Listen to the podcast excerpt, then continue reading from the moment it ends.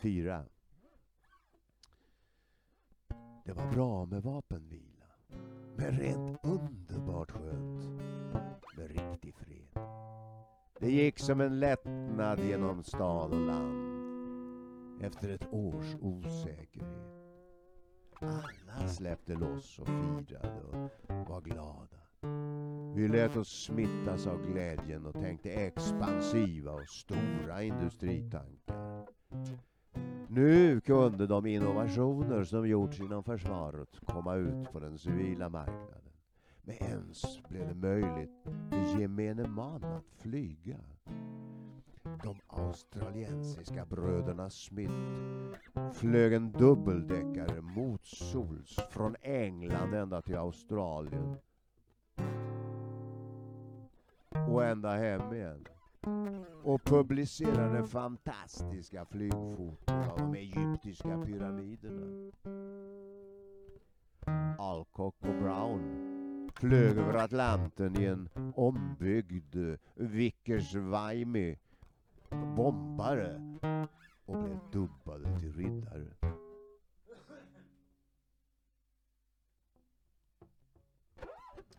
Telefonin gjorde snabba framsteg och band ihop människor över hela världen.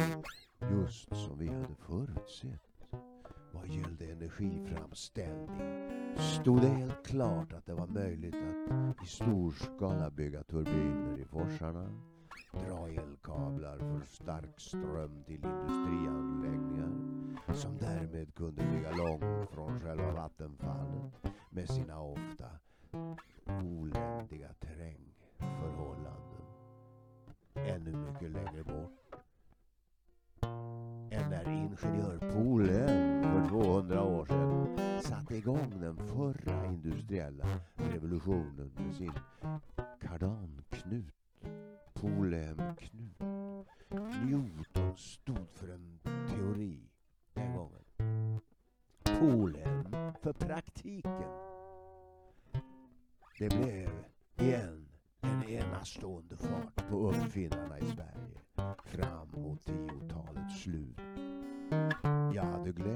träffa många av dem och vi seglade i skärgården, hoppade i land på Ängsholmen. Det hade min allra vackraste belägenhet. En byggnad i norsk ryggårsstil med ett verandarum med panoramafönster där vi kunde njuta sommarsol och havets blänk från Arlas cisterner utan att störas av vinden. Samtidigt som vi arbetade.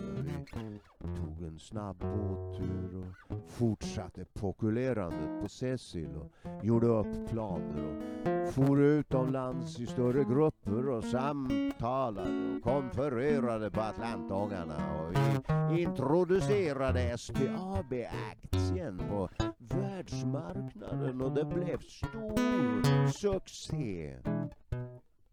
Emissionerna kom att fulltecknas, den ena efter den andra. Vi hade tur.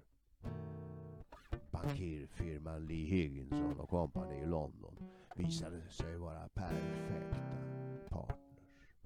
Och allt gick i flygande fläng.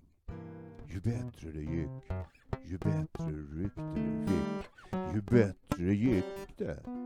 En god cirkel av framgång. Vi kunde hålla utdelningen av våra papper uppåt 30 procent. Sånt förstod sig folk på. Man fick mer än dubbelt så mycket som man var van vid. Vi kom på att det kanske kunde fungera att så småningom söka utvidga finansieringsformerna med ett mellanting mellan aktie och obligation.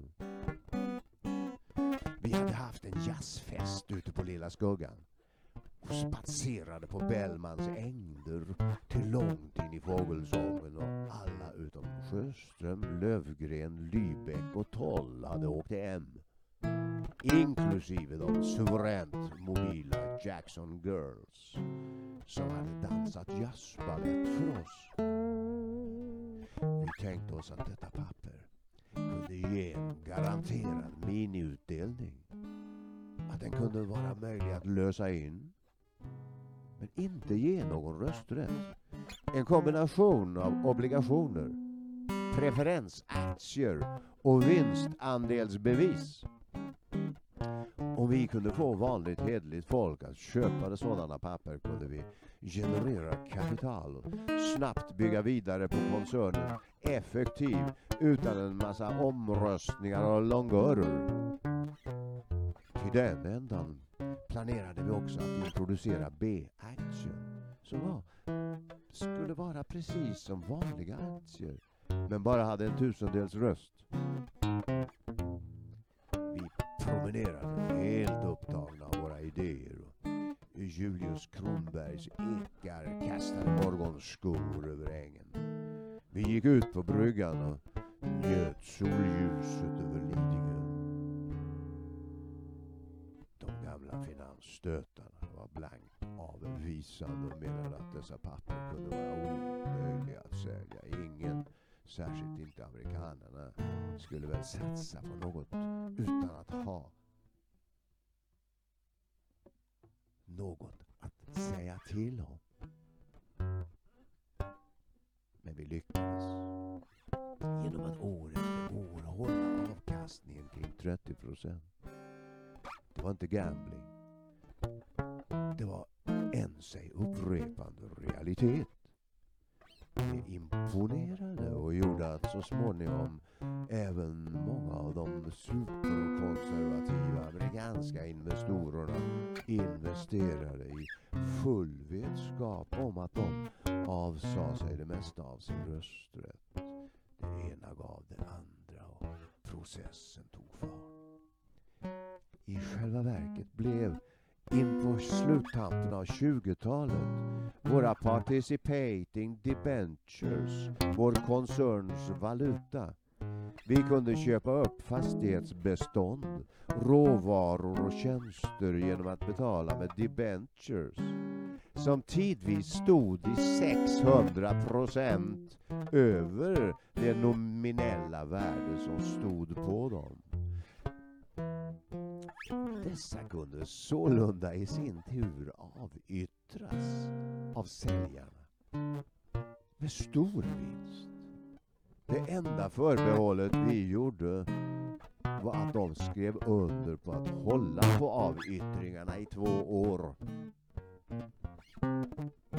Vi kunde visa till dominerande intressen i svenska företag som hade rätten att ta betalt i staters och städers obligationer.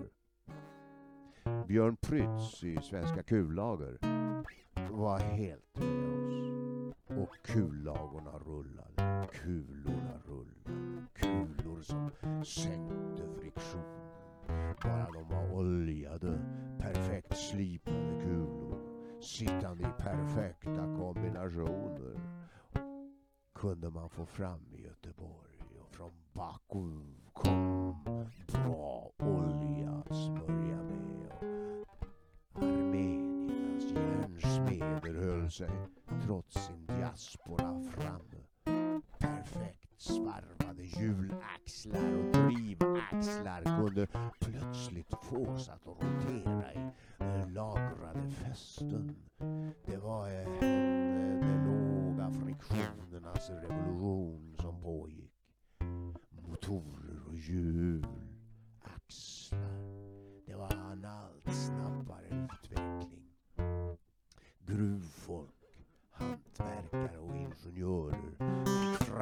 renaste järnet ur fjället och energin till smältugnarna från forsarna. Det hårdaste stålet och det mest perfekta kullagor för lägsta möjliga friktion såg dagens ljus. Yrkesmän från alla möjliga kategorier dök upp och ville vara med oss. Freden tyckte och tänkte folk precis som jag tyckte och tänkte ända upp i regeringarna. Och det gick att göra sin stämma hörd bland beslutsfattarna i de olika nationalstaterna. Jag arrangerade informationsmöten och reste mer än någonsin. Ju mer jag for omkring, ju mer kom jag att vilja ha ett kryp in i de olika städerna.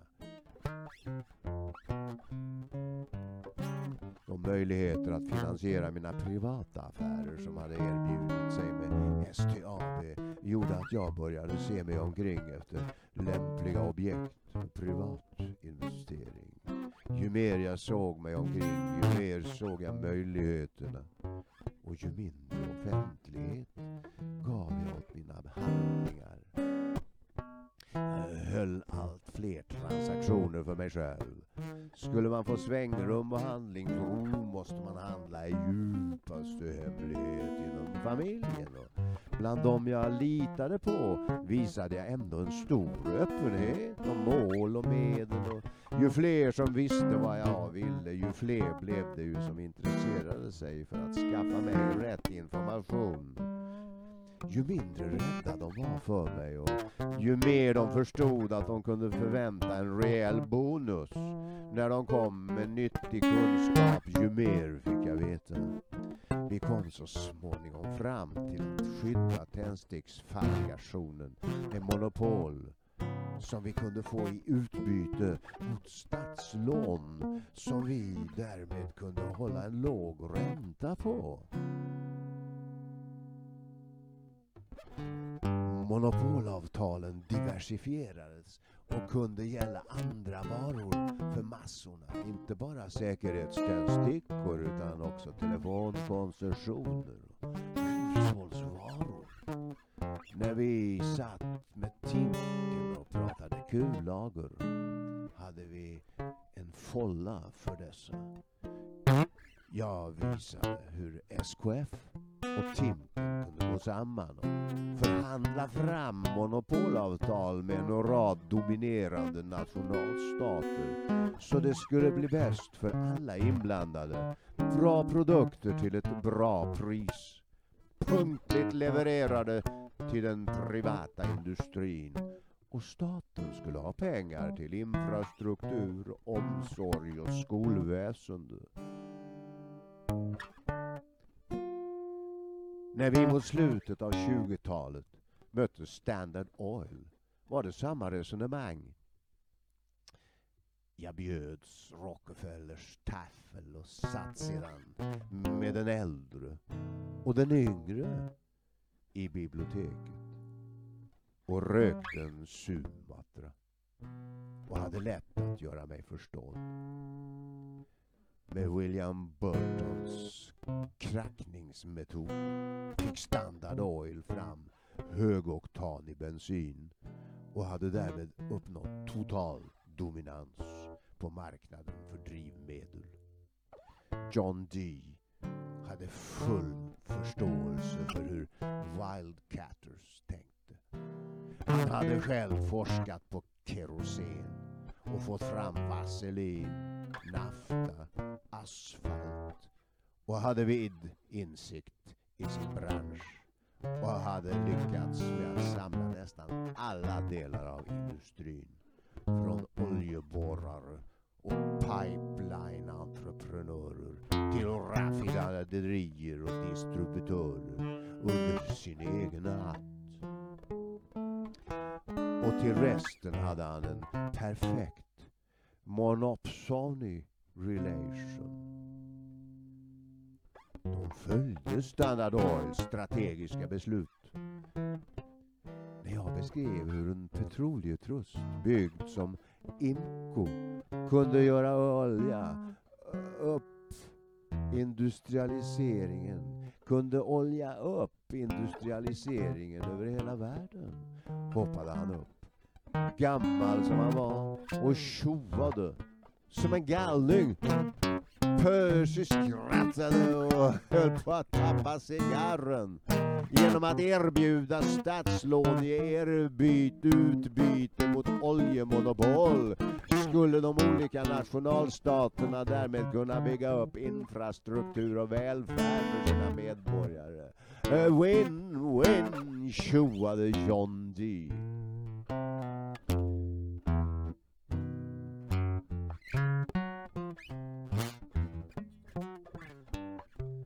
På möte hos Karl Schwab resonerade vi i samma idérum. Hans Betlehemsstil och vårt LKAB Gränges, Stora Kopparberg, Vabana hade redan greppet. Och att ta steget mot fusion eller monopolsamarbete var fullt realistiskt. Det var med ens möjligt att tänka stort. Det var något som vi blev bra på inom koncernen. Dock glömde vi inte detaljerna för det. Det var mycket viktigt att kunna kombinera det stora med det lilla och det privata med det offentliga. Jag hade ju lärt mig att räkna på hållfastheten i olika typer av betongspann. Och jag visste att noggrannhet en ofrånkomlig dygd och ju större vi tänkte, ju noggrannare måste vi vara med de små enskilda detaljerna. Inte för att vi behövde visa någon fasad utåt utan för vår egen skull. Jag for till Berlin efter krigsslutet och det var som man kunde gråta. Sot och ruiner överallt. Kapital saknades. Know-how dränktes i öl. Tyskarna hade det verkligen inte lätt. Kriget hade helt förött landet på sina ställen och det var närmast ett mirakel att det inte förblödde helt och återföll till en sönderdelad anarki.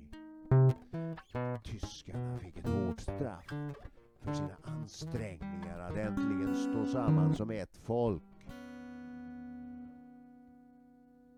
Efter en lång historia av inbördes stridande småfurstendömen. Men vad annat kunde man göra än att ta nya tag? En affärsman, Max Frenkel, rörde sig i samma banor som jag. Och han hade mycket att lära ut om den tyska fastighetsmarknaden. Vi satt på hotell Furstenhof och utbytte erfarenheter från våra respektive fosterland. Fastigheter stod tomma och urblåsta överallt i hans. Under det att i mitt stod de stadigare än någonsin. Här måste ni ju komma igång.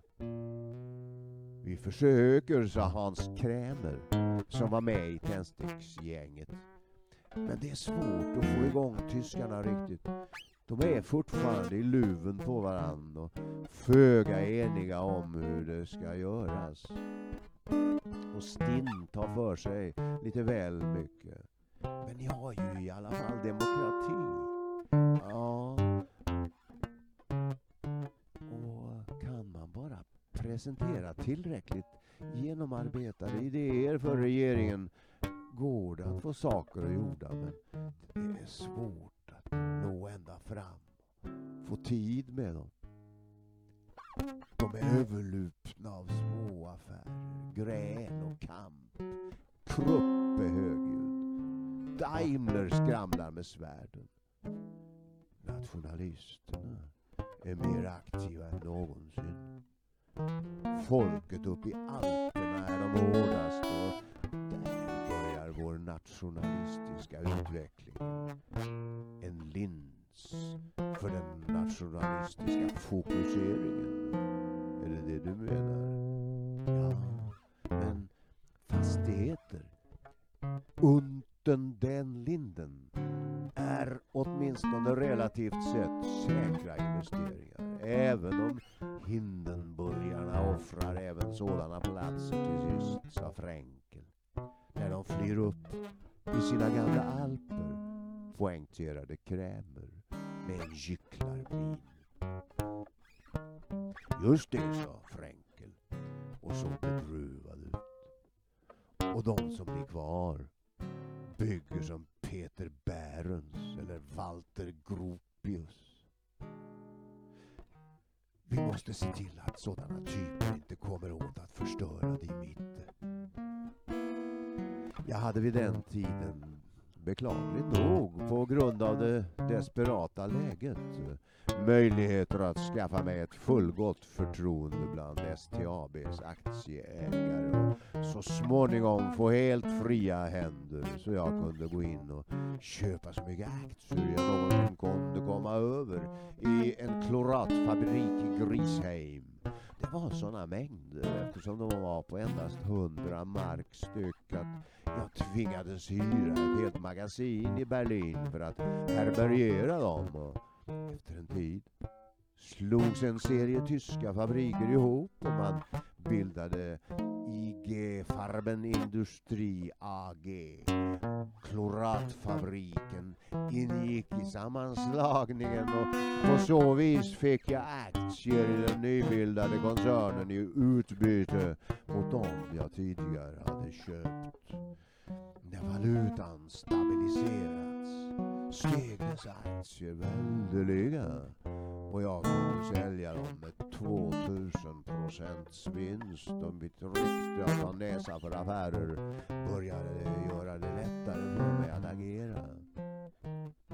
Jag bildade Continental Investment i Vaduz i Liechtenstein där övervinsterna bokfördes. Senare byggde och ägde jag fastigheter via holdingbolag i Luxemburg. Finansierat av Banque du Suède et de Paris vars dotterbolag Birka också kom att äga ett kvarter vid Avenue de Italien.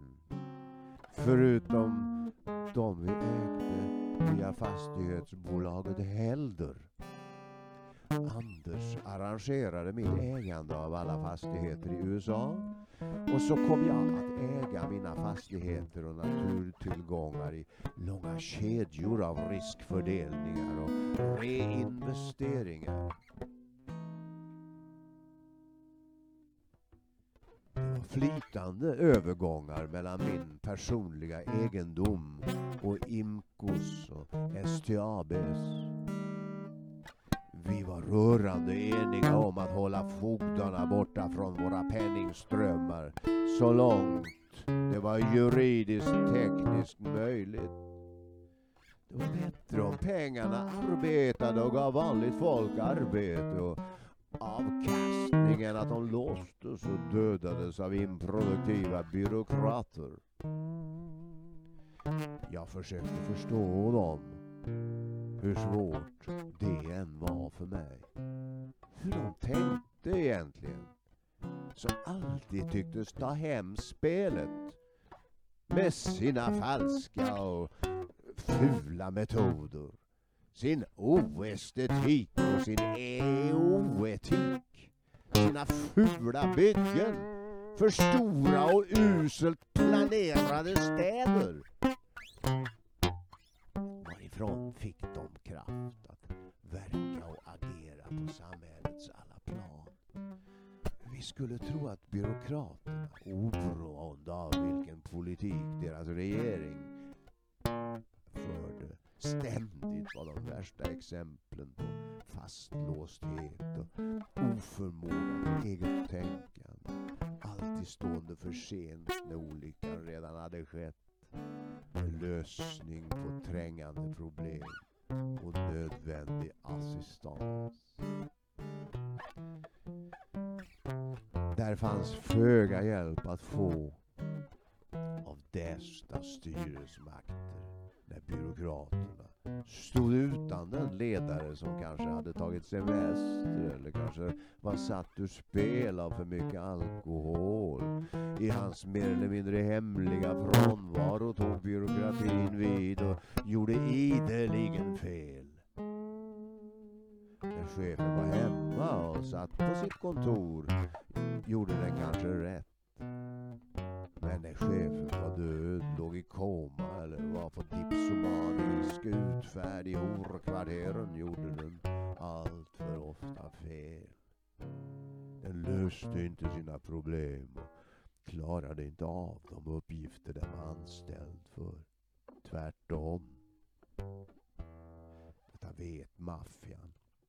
Står alltid redo att köpa tjänster där. Och det vet alla machiavelliska krigsivrare och jobbar som mest intensivt med handel av byråkratiska tjänster gällande hur man snor sig undan lag och rättsväsende. Hur man köper fri passage över gränserna. Hur man hetsar fram ett vapenköp. Tvekade när jag vid den här tiden erbjöds att köpa upp hela kvarter unter den linden, Friedrichstraße, för summor som var närmast skamligt låga men jag kunde bara inte säga nej. Fastigheterna såldes sedan i American Kriegen 12, vårt nybildade dotterbolag i USA, där Jordahl tog chefsjobbet och fick betalt i dollar. Jordahl, Hallin och Rydbeck hade varit med i Berlin ända sedan vi bildade Deutsche Kahn-Eisengesellschaft, Jordahl och kompani, där i början av 10-talet. När den tyska marken brakade ihop kunde vi lösa alla lån och stod med fem tunnland obelånade fastigheter i centrala staden. Knappt Fränkel själv trodde det var sant. Men vi gjorde sålunda en förmögenhet både på den tyska valutans kollaps och på dess återhämtning. Vi försökte hålla tyst som om dessa affärer för att inte irritera tyskarna i gemen. De var fattiga men stolta. Ja, en del tyskar var mer än stolta. De var oregerligt hämndlystna också och ansåg att Versaillesfreden var rena hånet och en höglärd Hörbiger morrade djupt nere i censurfäktarnas källarvalv om att det var den yttersta skam att tyskarna lät sig kuvas. Jag ville naturligtvis inte låtsas om att jag ägde deras huvudstads hjärta. Men genom att ändå göra det hade jag säkerheter nog att låna närmast obegränsade belopp. Jag visade intressenterna i Svedamco administrativ huvudstaden och det var inte Berlin eller Paris eller New York eller Washington. Det var heller inte Stockholm. Det var själva huvudstaden. Hur det låg till. Vårt fastighetsbolag huvudstaden expanderade med införskaffandet av centrala fastigheter med det absolut bästa läget. Hur det nu än är med valutakollapser och världskrig. Förr eller senare är de gamla huvudstädernas centrum lika mycket värda som förr och mer.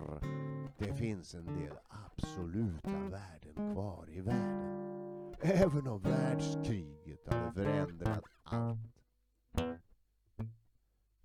Det som förändrades mest var Ryssland som blev Sovjetunionen. Där fanns med ens inga absoluta värden. Proletariatets diktatur hade hårdare lagar än lagen självt.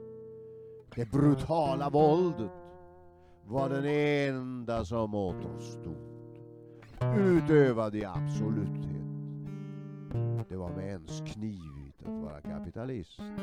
Inte bara i Petrograd utan även i huvudstaden Moskva där propiska utfärdades och enbart det som var pålitliga marxist-leninister och medlemmar i det kommunistiska partiet fick bo och bygga där. Vårt fastighets och byggnadsbolag Russia tvingades ta ner aktiebolagsskylten. Skotten Leslie Urquhart blev av med värden för 56 miljoner pund i exproprieringen 1918. Han var dock inte av sämre virke än att han enrollerade sig i Lloyd George antibolsjevikiska kamp, dock utan att nå fram till några som helst resultat. Jag såg nämligen hedervärda ryska aristokrater som inte hade gjort en fluga för när. Som hanterades lika illa som de mest tyranniska kulacker och jordägare.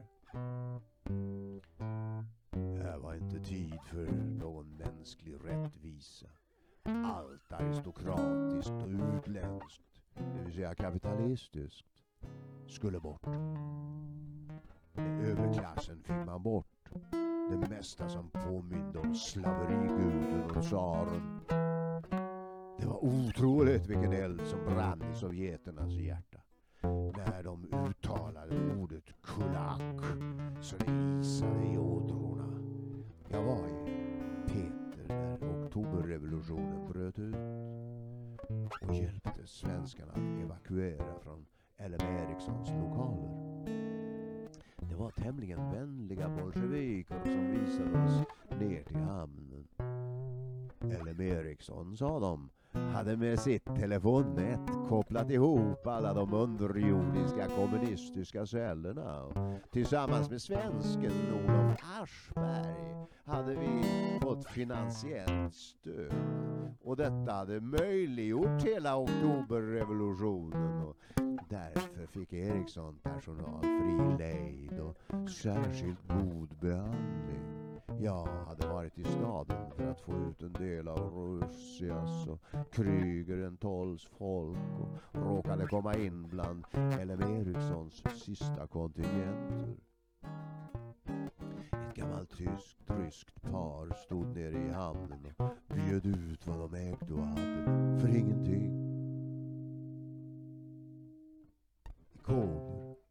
antikviteter, guld och diamantsmycken jag hittade ett unikt urverk från Ludvig den XIVs samlingar. För lika mycket som det kostade att gå till frisören i Stockholm kunde jag köpa ett meroinger-svärd. Enligt lekenden buren av Claudius i fjärde led efter Klodovec. På ena sidan revolutionära vreden och på den andra gjorde man allt för att fly.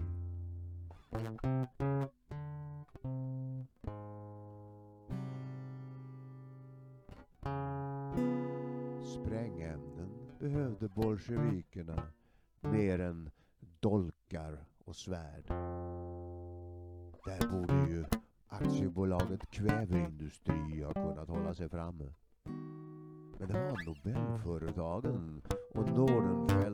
Säljorganisation som gjorde det mesta härvidlag och oljan flödade och den tog bolsjevikerna också.